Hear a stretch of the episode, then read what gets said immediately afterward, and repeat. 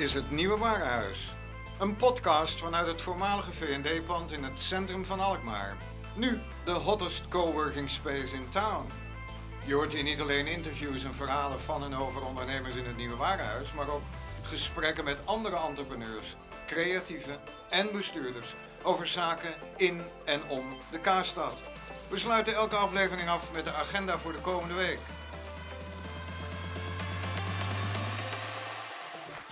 Learning lunches, meetups en events. Heb jij nieuws te melden over een event of je eigen business? Stuur een mail aan podcast.hnwalkmaar.nl Adverteren kan ook.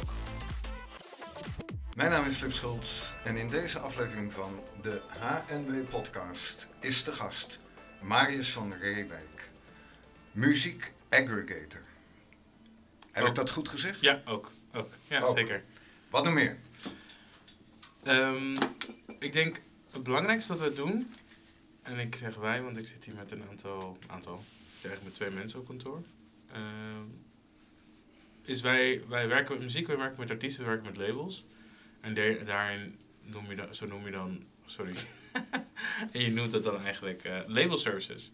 Dus de label services zijn dus diensten die je aan, aanbiedt voor labels, artiesten en managers. Dus dat is onder andere in het aggregeren van muziek. Dus dat is digitale distributie. Maar het is ook eh, digitale promotie. Het is ook eh, artist development en brand development. Waar we echt gaan kijken van wat is nou de kern van een artiest. Wat zijn de kernwaarden van een merk van een artiest. En hoe kan je dat inzetten op social media. Hoe kan je daar social media campagnes omheen bouwen. En hoe kan je dan tractie krijgen of nog meer tractie kri- krijgen met je fans. Nou ben je dat niet zomaar geworden.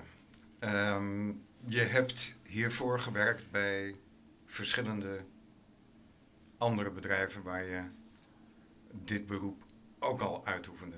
Ja, dus ja en nee. Dus aan de ene kant, wat ik al, wat ik al zeven jaar doe, is de digitale distributie. Eh, ik was begonnen in een band vroeger, dat is ook echt letterlijk zeven jaar geleden.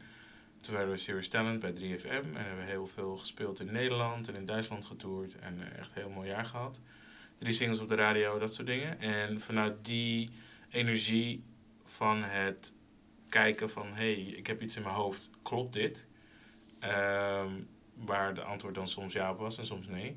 Kon ik een beetje testen van nou, hoe zit die muziekindustrie nou precies in elkaar? Voor mij in ieder geval. En ehm, toen ben ik in, dat was in begin 2012, dat is begonnen in januari 2012. En toen ben ik ehm, in september 2012 ben ik begonnen bij eh, Songflow. En dat was dus een digitaal distributieplatform voor artiesten. En daar heb ik het vak van het distribueren echt geleerd. En toen ben ik al heel snel, na een half jaar eigenlijk, ben ik meteen naar, eh, naar Fuga doorgestroomd. Wat, eh, wat de moederonderneming was. Fuga spellen we. F-U-G-A. Oké. En eh Fuga bestaat nog steeds. En Songflow wordt as we speak opgedoekt, helaas. Oh. Want dat was gewoon... Het platform was wel heel goed, maar op een gegeven moment moet je een platform wel doorontwikkelen. Vooral in de technische sector. En als dat gewoon niet genoeg gebeurt, dan blijf je gewoon achter. En dan moet je dan ook op een gegeven moment zeggen, oh, dit doen we niet meer, helaas. Dus dat is, eh, dat is gestopt al. Hoe uniek is jouw beroep? Hoeveel eh, mensen lopen er in Nederland rond die hetzelfde doen als jij? Ik denk dat er een heleboel mensen rondlopen die verschillende dingen doen die ik ook doe. Het artiestenwerk is niet nieuw. Distributiewerk is niet nieuw. Recordlabels doen het ook natuurlijk. Artiestenmanagers doen het ook. Label service is eigenlijk ook helemaal niet nieuw. Ehm, er zijn ook gewoon genoeg bedrijven die dat doen. Ehm, Waarom neem jij dan de moedige stap om het ook te gaan doen? de, omdat ik gek ben. nee, grapje. Nee, eh. eh, nou, ik, ik, hoe, ik, hoe ik hierin ben gerold is dat ik altijd een soort van een drang heb om iets nieuws te doen en iets nieuws te vinden. En in dit digitale distribueren en in, in het promoten, vooral toen ik begon, en dat is ook weer drie jaar geleden, begon ik met Celine Cairo. Ehm, Celine? ja, Celine Cairo. En ehm, zij had muziek, ze had, ze had opgenomen in Amerika. En daarvoor hadden we één project gedaan van een video. Want zij zat bij Songflow, ze had een video gedaan. Zei, hey, kunnen, we ook, kunnen jullie ook iets met die video?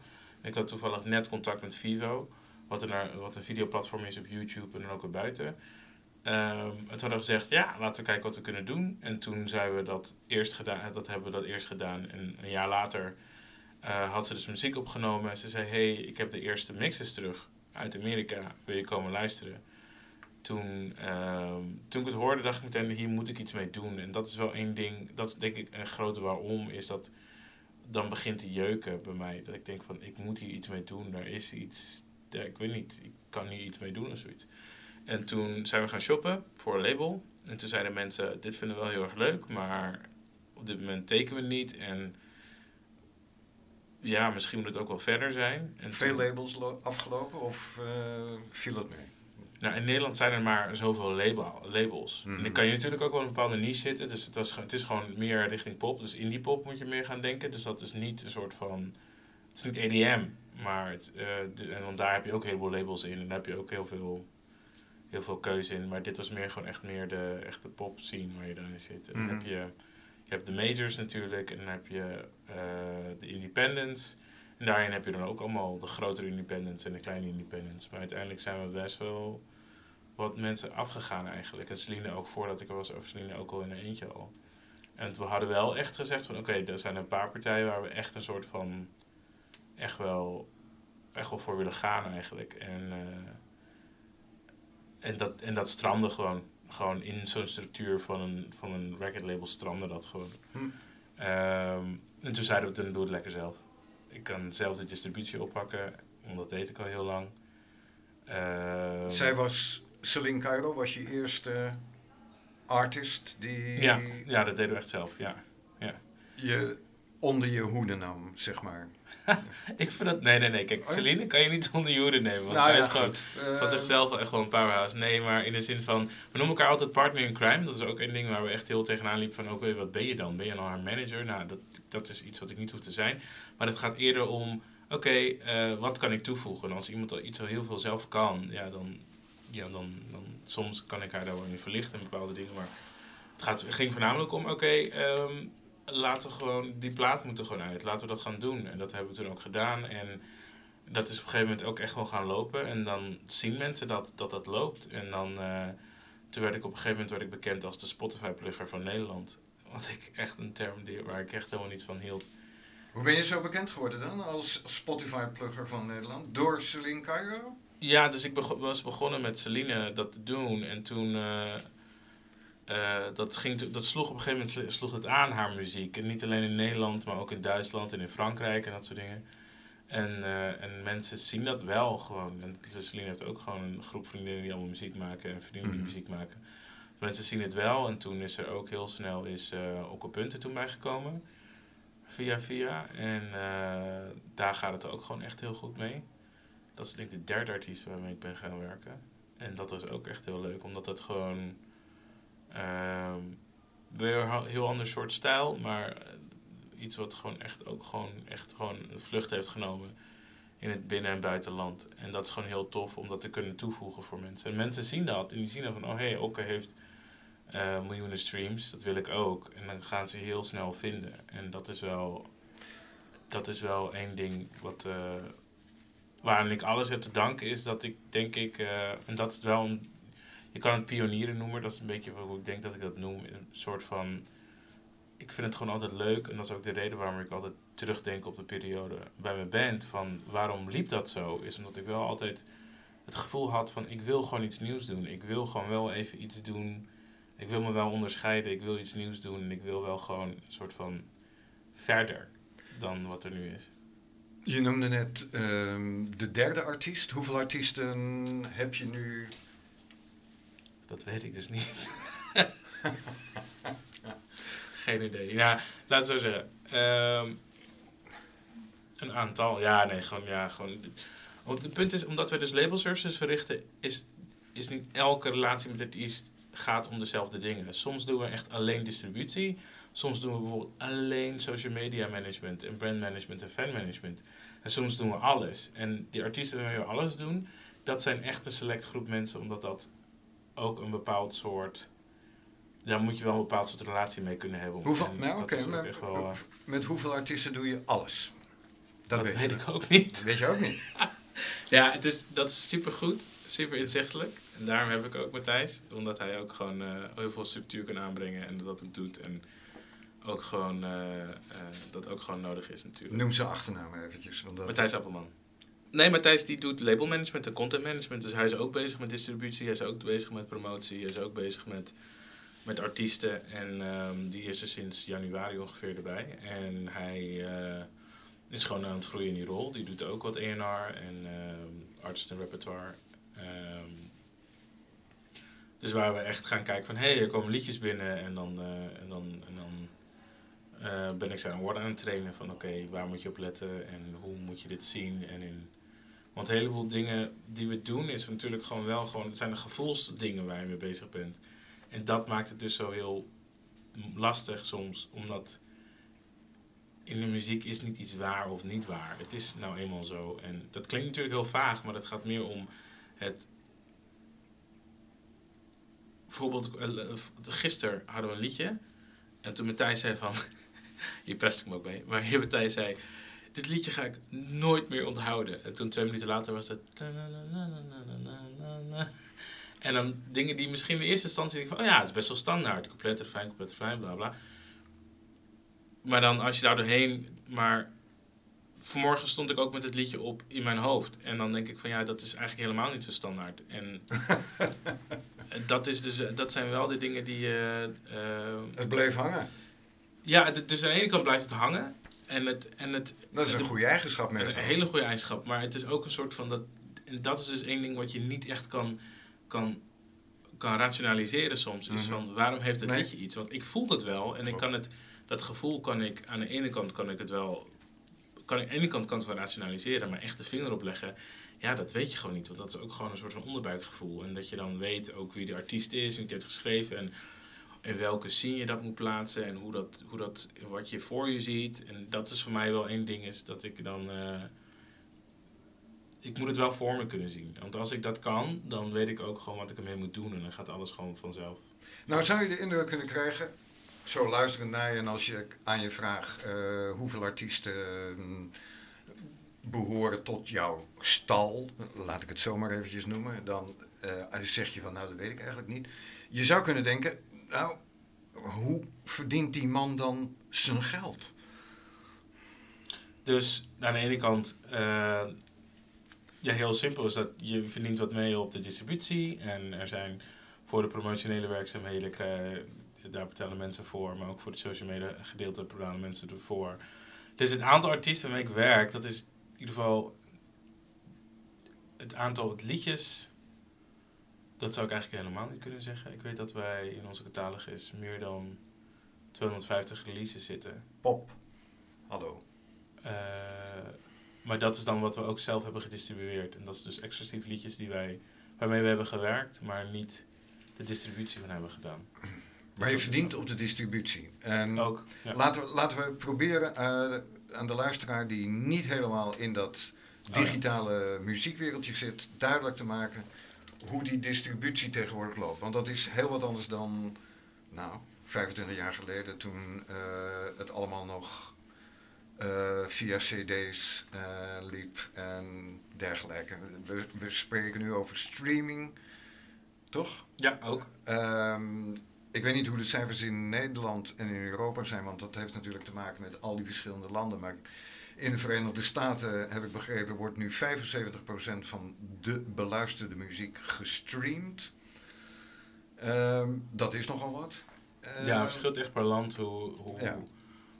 hoe, hoe die verhoudingen liggen. Dus bijvoorbeeld in, eh, in Scandinavië ligt dat nog hoger, dacht ik. Daar hebben we het echt, dacht ik, over plus 80%. Zo. Dat is echt wel, eh, want zij zijn daar ook super progressief in natuurlijk. Maar als je naar een land als Japan kijkt, dan ligt het echt ver onder dat eh, getal van, Ja, eh, van, van dat. Amerika. Omdat zij daar nog heel veel met fysiek doen. En dat zijn, eh, dat zijn leuke dingen om rekening mee te houden eigenlijk. Ja. Want in die landen vertegenwoordig je ook artiesten. ja, dus ja, dus wat wij doen is dus... Aan de ene kant moet je digitale distributie zien... Als je het echt op een hele fysieke manier zou kunnen zien... is dat wat wij doen is wij... eh, wij zorgen dat de muziek van de artiest... eh, die, dat die eindigt in Spotify, in iTunes, in Apple Music, in Tidal, Deezer. En zo heb je 300 andere winkels waar we, waar we naar leveren. Radiozenders? Um, Sirius XM, daar, uh, daar, uh, daar, daar leveren wij metadata aan. Uh, iHeartRadio in, in Amerika. Dat is meer dus digitale radio. Ja. Het is niet zozeer dat je echt naar radio, radio catert, maar je, je hebt een paar uit. Dat zijn echte uitzonderingen, moet ik zeggen. Okay. Dat zijn echte uitzonderingen. Het gaat voornamelijk om de streamingdiensten. Uh, het is en download en streaming. Dat verschilt heel erg. Wat vroeger alleen maar die uh, download services waren, zoals een iTunes. En vergeet niet ook zoals een Sp Spotify. Die, downloaden, die had vroeger ook een downloadfunctie. Um, de Google, uh, Amazon. Die heleboel, art, heleboel, heleboel platformen zijn begonnen als downloadplatformen. Die, zijn dus, die hebben die switch gemaakt naar, naar streaming.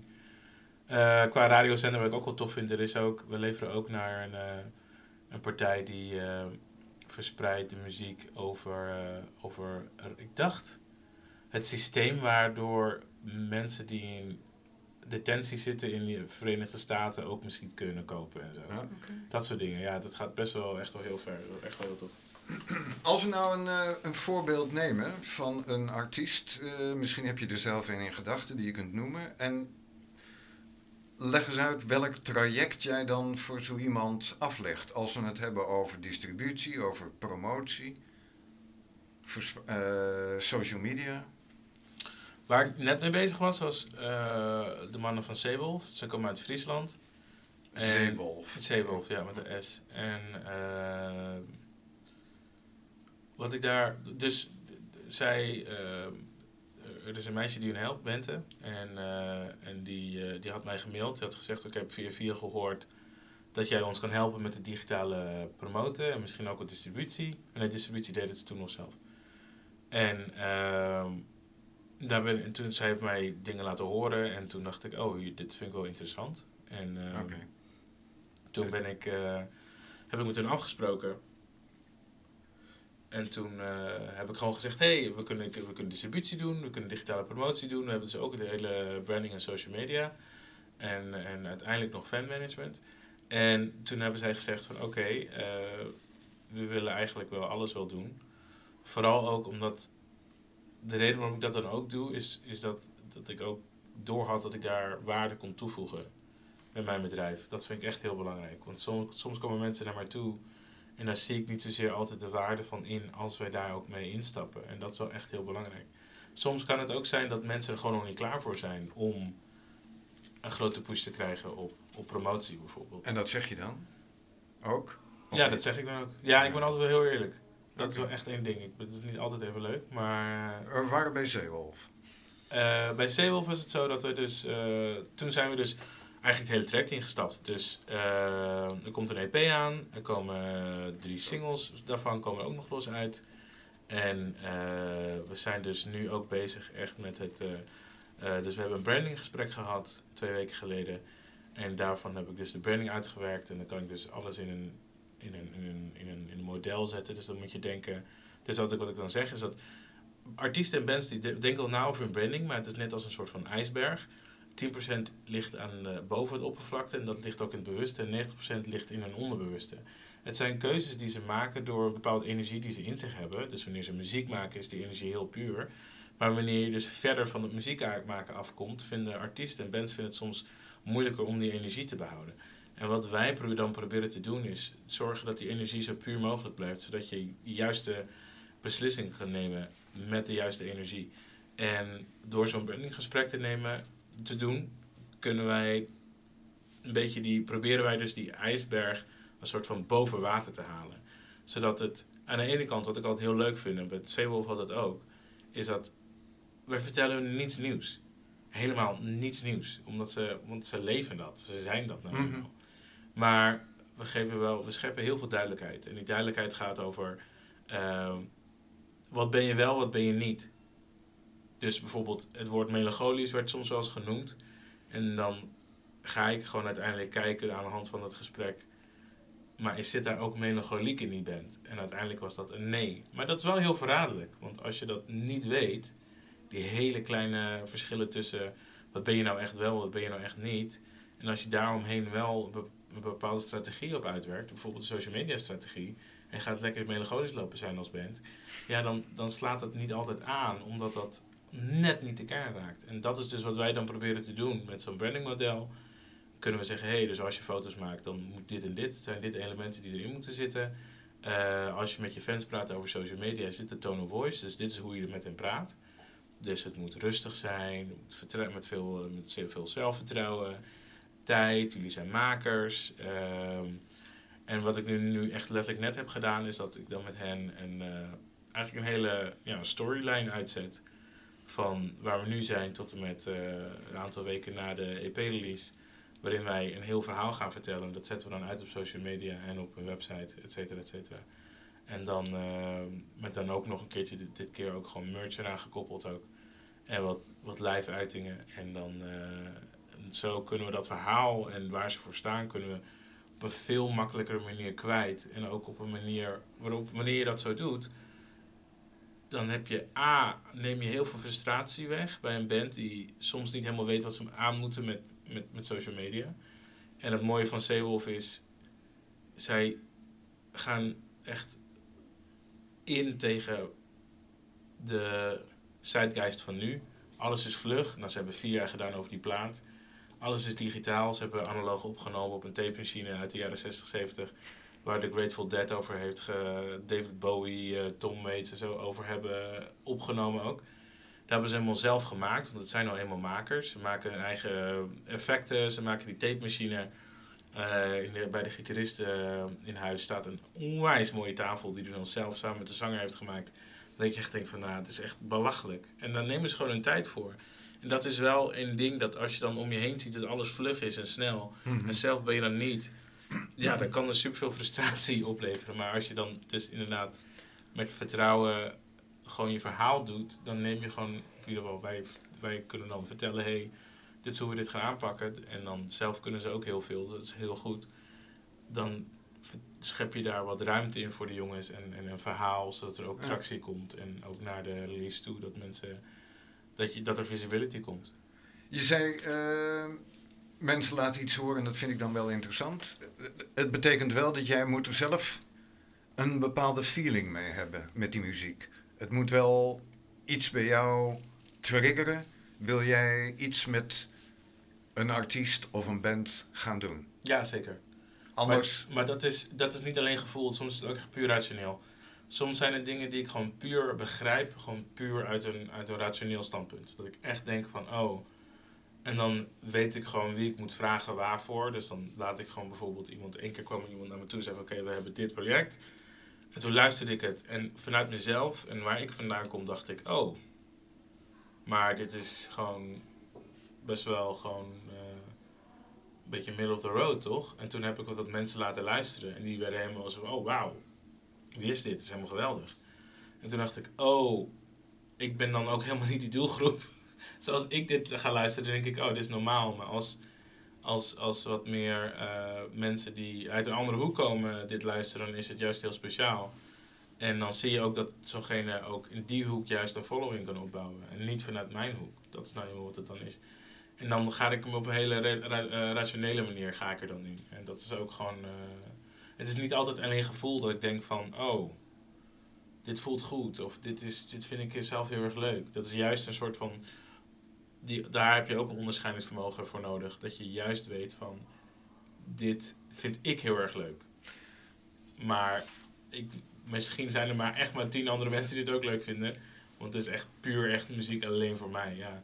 Dat wil niet zeggen dat ik dan niks met die muziek doe verder hoor. Want misschien vind ik dat ook zo. Nou, maar je hebt uh, bijvoorbeeld met zo iemand als uh, Celine Cairo... heb je toch uh, een aardig succesvolle artiest in je stal. Ik denk dat Celine het vet goed doet. Omdat zij waar we vandaan komen... Dat is echt wel heel ver, voelt het nu al. En we zijn er nog langer niet. Maar ik zeg altijd over Celine van...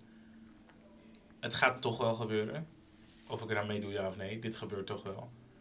En je ziet daar ook echt gewoon... Groeien. Echt groeien per week. Ik heb er afgelopen week twee keer live zien spelen. Uh, want ze is nu, uh, doet een sportactour en dan, dan zie je ook echt wel een soort van weer dat ik denk van, oh ja, Ze is weer verder, weet je. Dat is echt zo tof. Ja. Ehm, we gaan langzamerhand afronden, Marius. Maar, eh, stel, artiesten, beginnende artiesten willen met jou in contact komen. Waar moeten ze aan denken? Sluiten ze een jaarcontract met je af? Of hoe gaat dat? Wat heb je nodig, vraag ik altijd. Wat is dat je wilt doen? Dat zijn de twee dingen die ik afvraag. En dan soms is het dat mensen echt zeggen... hé, hey, ik wil gewoon nu juist profilering hebben... zodat ik over drie singles naar een record label kan gaan. Ja, dat vind ik ook goed. Let's go. Uh, en dan is, is misschien iets van hele korte duur. En soms willen mensen dat in twee singles doen. Je hebt ook mensen die zeggen: Oké, ik heb gewoon mijn eigen label. En ik wil gewoon heel graag dat jij de distributie doet van dat label. En dan, uh, dan doen we dat. En dat is dan ook tot in uh, bewijs van tot in de eeuwigheid eigenlijk. Ehm, en dan vraag je een uurprijs of hoe? Dat verschil, dat nogmaals. Kijk, dat zijn dingen die gewoon heel erg verschillen. Want soms mm -hmm. is het Soms is het gewoon dat je kan zeggen, oké, okay, dit is een pakketprijs. We gaan alles doen, cool, dan is het dit pakketprijs. Zit zo en zo zo in elkaar. Ik krijg natuurlijk ook een hele dikke korting van Marius, daar ben ik ook alweer. En dan, uh, uh, uh, en dan kunnen we gewoon ook alles doen. En dan dat het ook nog voor ons commercieel viable is. Vind, is ook gewoon heel belangrijk. Maar ook, wat ik altijd zeg, vooral met promotie, is een soort van... Onze insteek is dat we het geld wat je in ons investeert, dat gaan we terugverdienen dat is mijn insteek er altijd in. Uh, hoe lang dat duurt, zo'n contract, ja, het verschilt heel erg. Ja, dat is gewoon, ja, dat is... Soms is het gewoon maar... Uh, soms doe je met twee singles met iemand en dan gaan ze naar een record label. Ja, dat is goed, weet je. Dat is het beste voor het artiest. Dat heb, ik heb wel echt het beste voor het artiest voor. Dat is echt wel één ding. De artiesten hebben mij altijd gewoon centraal. Maar je gaat met Zeewolf bijvoorbeeld een EP doen en drie singles? Ja, dat en, zit ook al op die EP. Dat valt dan onder de, de afspraak die jullie gemaakt ja, hebben? voor nu is dat valt het onder de afspraak, okay. ja. En daarna willen ze... Ja, ik ben heel benieuwd. Die gasten hebben nu vier jaar over één EP gemaakt, uh, gedaan. Uh, dikke kans dat de album pas over tien jaar komt. en het punt is, ik ben er dan bij. Dat is het enige wat ik dan zeg. Want daar okay. wil ik gewoon bij zijn. Heb jij dan gewoon... een label? Um, over ik heb tien jaar? Ik denk het niet. Nee? Nee, nee, ik denk het niet. Het, het, doet een beetje denken aan, uh, ken je dat verhaal van Denzel Fagelson van Platoon? Oh, grappig. Uh, het zijn natuurlijk uh, overgenomen Dat is al een tijdje geleden, hè? Maar Denzel Fagelson was eigenlijk al bezig met een soort vroegpensioen. Besloot op een gegeven ogenblik, omdat hij artiesten zonder label tegenkwam, die artiesten zonder label te gaan vertegenwoordigen. Artists without a label, AWOLs. Mm -hmm. Oh, ja, ja, um, Apple kreeg er uh, reuk van en voordat hij het wist, uh, zat hij bij wijze van spreken achter de knoppen bij iTunes en uh, iPod enzovoort. Ehm, en zo is Platoon ontstaan en Platoon is begin januari eindelijk helemaal opgekocht door Apple. ja. Maar dus straks hebben we een soort van Marius als label? Of? Um, ik zie mezelf meer als. Ik zie ons meer als een soort van groep van mensen die heel veel doen voor artiesten. Een label is. We doen label services, dus hmm. ik vind het. Het moment dat ik echt zeg van oké. Okay, Je sluit het niet uit. Nee, ik, ik sluit helemaal niks uit. Maar op het moment dat ik zeg van oh hey, deze muziek. Hmm. Um, moet onder een label. En dat label, ik zie dat niet bij jou zelf gebeuren, maar bij ons, omdat we alle expertise toch hebben, dan gebeurt dat. Ik was heel close afgelopen paar maanden, dat ik dacht, oh, ik ga hier, hier ga ik een label omheen bouwen. En op het laatste moment dacht ik, nee, maar dat moet ik eigenlijk helemaal niet doen, want dat is gewoon niet echt, uh, dat is helemaal niet relevant voor die artiest om dat te doen eigenlijk. Dus waarom zou ik dat doen?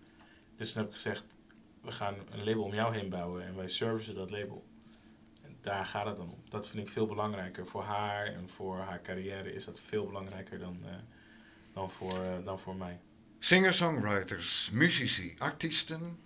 Marius van Reewijk is de man die jullie moeten hebben als je je eigen label wil bouwen. En jullie kunnen hem vinden. Op, uh, ja, op Instagram eigenlijk. Zoek gewoon naar Marius van Reewijk. Het is echt heel erg. Onze website. Ik ga morgen met Sean zitten om onze, onze uh, branding door te spreken. Hou uh, deze podcast ook in de gaten, want wij gaan dan uiteraard zodra die website er is vertellen hoe die website heet. Marius van Reewijk, hartelijk dank voor je aanwezigheid in de HNW podcast. Dank jullie wel.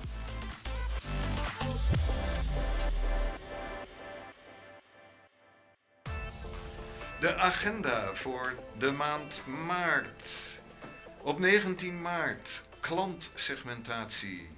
Hoe bind je meer mensen aan jouw onderneming? En tijdens de workshop vertelt Danielle Plantinga meer over de doelgroepen in en rond Alkmaar.